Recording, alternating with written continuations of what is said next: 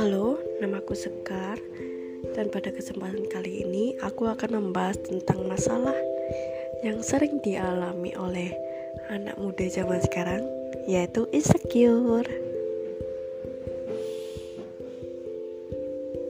Jadi, uh, aku akan cerita tentang gimana aku bisa perlahan-lahan lepas dari masalah insecureku sendiri. Jadi dulu itu aku orangnya itu jerawatan parah gendut parah. Dan itu nggak pernah bikin aku percaya diri ke publik. Jadi kalau aku keluar rumah itu mesti pakai baju yang kebesaran kayak hoodie besar hoodie gembrong atau sweater gembrong gitu buat menutupi bentuk badanku atau pakai masker buat menutupi jerawatku. Aku nggak pernah bisa pede dengan fisikku. Aku takut dilihatin orang banyak. Aku takut di judge orang. Padahal mereka tuh sebenarnya lihat aku dan gak mikir apa apa kayak orang lalu gitu.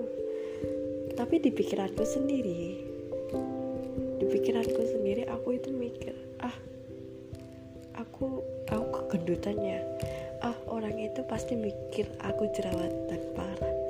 Ah orang itu pasti mikir aku jelek. Tahu gitu aku nggak usah keluar aku mending di rumah aja.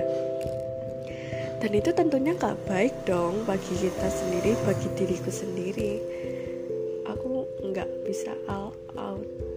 Aku cuma bisa keluar di zona nyaman zona nyamanku sendiri. Nggak bisa keluar ke publik kayak kayak mall gitu atau kolam renang atau tempat-tempat hiburan lainnya. Aku nggak bisa keluar dengan percaya diri. Aku takut bagaimana orang lain melihat aku.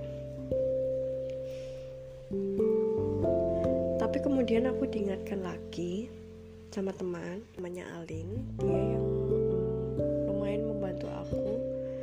menyembuhkan masalah insecureku menyembuhkan masalah hmm, bagaimana aku melihat tubuhku? Bagaimana aku hmm, menyikapi bentuk badanku? Dia bilang ke aku kalau kecantikan fisik itu hanya bertahan di awal saja. Istilahnya itu first impression. Tapi untuk membangun hubungan yang lebih baik dan awet dengan orang-orang di sekeliling kita. Attitude yang baik dan knowledge yang lebih itu lebih dibutuhkan. Dan di situ aku sadar oh ternyata fisik itu bukan segalanya.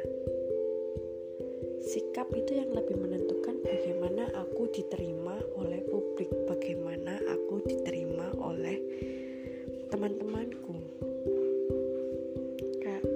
kamu ganteng percuma kamu cantik kalau sikapmu itu jelek. Sejak saat itu aku menekankan kalau sikapku itu harus baik kepada semua orang karena fisikku itu udah minus. Untuk diterima masyarakat aku harus bersikap baik. Soalnya fisikku itu gak mendukung gitu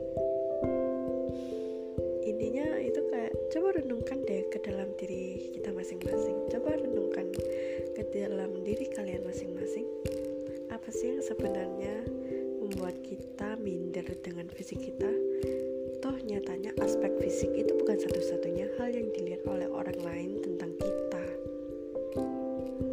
Citra diri yang baik dibentuk oleh sikap tutur bahasa dan cara kita menghargai diri sendiri serta orang orang lain. Itu yang lebih dilihat